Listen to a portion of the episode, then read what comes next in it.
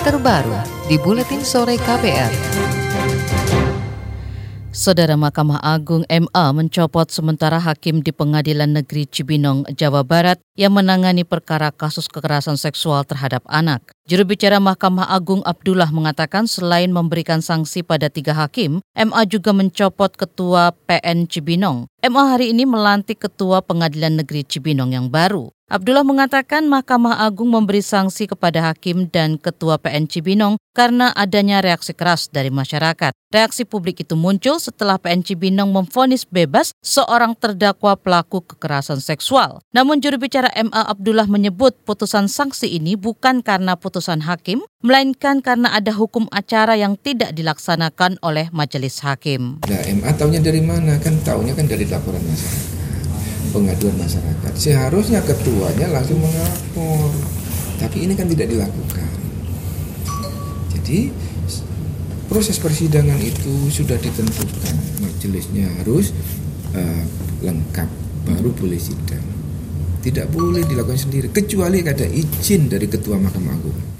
Juru bicara Mahkamah Agung Abdullah mengatakan selain hukum acara yang tidak dilaksanakan, hak-hak normatif anak saat persidangan juga tak terpenuhi. Misalnya, anak korban kekerasan seksual tidak ada pendamping ketika diperiksa di ruang sidang. Mahkamah Agung menganggap Ketua Pengadilan Negeri Cibinong lalai karena membiarkan persidangan terus berjalan. Lembaga Bantuan Hukum LBH Apik mendesak pengadilan memberikan keadilan kepada dua anak korban kekerasan seksual Joni dan Jenny. Desakan itu disampaikan setelah Mahkamah Agung mencopot hakim yang membebaskan terdakwa pelaku kekerasan seksual terhadap Joni dan Jenny. Koordinator Pelayanan Hukum LBH Apik Uli Panggaribuan mengatakan, keputusan bebas yang diberikan hakim kepada terdakwa menjadi presiden buruk penegakan hukum di Indonesia. LBH Apik sebagai pengacara dari dua bocah korban kekerasan seksual itu menyebut vonis bebas bagi pelaku baru kali ini terjadi. Nah kalau kami sih menyambut baik, tapi kami belum tahu tuh sanksinya apa yang akan diberikan. Iya harapannya sih berhentikan. Kami sih yakin ya dan harus memang tetap diperjuangkan walaupun nggak gampang. Korban dan keadilan buat korban itu ya harus. Ya kami kan nggak hanya ke KY ya, tapi hmm. kami juga ke ombudsman, ke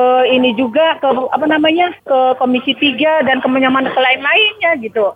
Kalau misalnya di Mahkamah Agung nggak berhasil, kami tetap akan mencari keadilan. Gitu. Kan kalau misalnya ini benar-benar nggak apa korban nggak diberikan rasa keadilan, itu kan presiden buruk memang buat menegakkan hukum kita. Apalagi nih anak-anak jangan sampai kasus-kasus kayak gini terulang. Koordinator Pelayanan Hukum LBH Apik Uli Panggaribuan mengatakan sejak awal ia melihat ada banyak kejanggalan saat proses persidangan berlangsung. Padahal pelaku sudah mengakui perbuatannya yang didukung dengan adanya visum dari dokter. Selain itu, saat proses persidangan berlangsung, Joni dan Jenny juga tidak mendapat pendampingan. Padahal jika mengacu peraturan peradilan anak, proses persidangan baru bisa berlangsung jika anak didampingi ini. Pengamat Hukum Pidana Universitas Indonesia, Cudri Sitompul menilai vonis bebas yang dikeluarkan Hakim Pengadilan Negeri Cibinong terhadap terdakwa pemerkosa anak tetap sah kendati terdapat ketidakadilan dan kejanggalan dalam persidangan. Cudri mengatakan masalah itu kini menjadi wewenang Badan Pengawasan Mahkamah Agung untuk menindaklanjuti majelis hakim yang menangani perkara. Uh, walaupun dikenakan sanksi,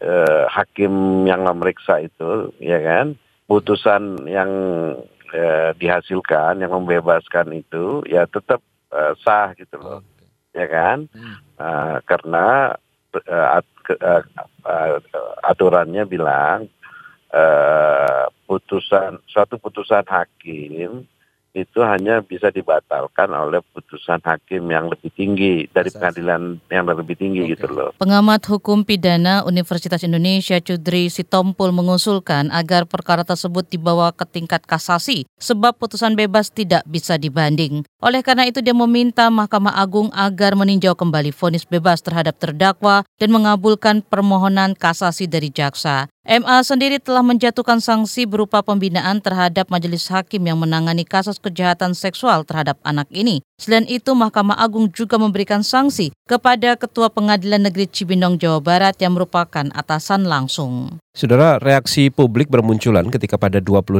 Maret lalu, Majelis Hakim Pengadilan Negeri Cibinong memutus bebas terdakwa berinisial HI. HI sebelumnya didakwa melakukan kejahatan seksual terhadap dua anak selama tiga tahun. Di persidangan, terdakwa sudah mengakui perbuatannya. Hasil visum dokter juga menunjukkan ada kekerasan seksual pada dua anak tersebut. Jaksa menuntut agar hakim memfonis terdakwa 14 tahun penjara dan denda 30 juta rupiah berdasarkan Undang-Undang Perlindungan Anak. Namun hakim Muhammad Ali Iskandar di Pengadilan Negeri Cibinong memfonis bebas terdakwa dengan alasan tidak ada saksi yang melihat perkosaan itu. Sejenak kita berolahraga bersama Sindu Darmawan. KPR Sport. Pelatih Paris Saint-Germain Thomas Tuchel mengaku kecewa dengan aksi Neymar memukul seorang supporter pada laga final Piala Prancis. Insiden itu terjadi ketika Neymar tengah dalam prosesi penyerahan medali perak usai PSG kalah adu penalti dari Rennes.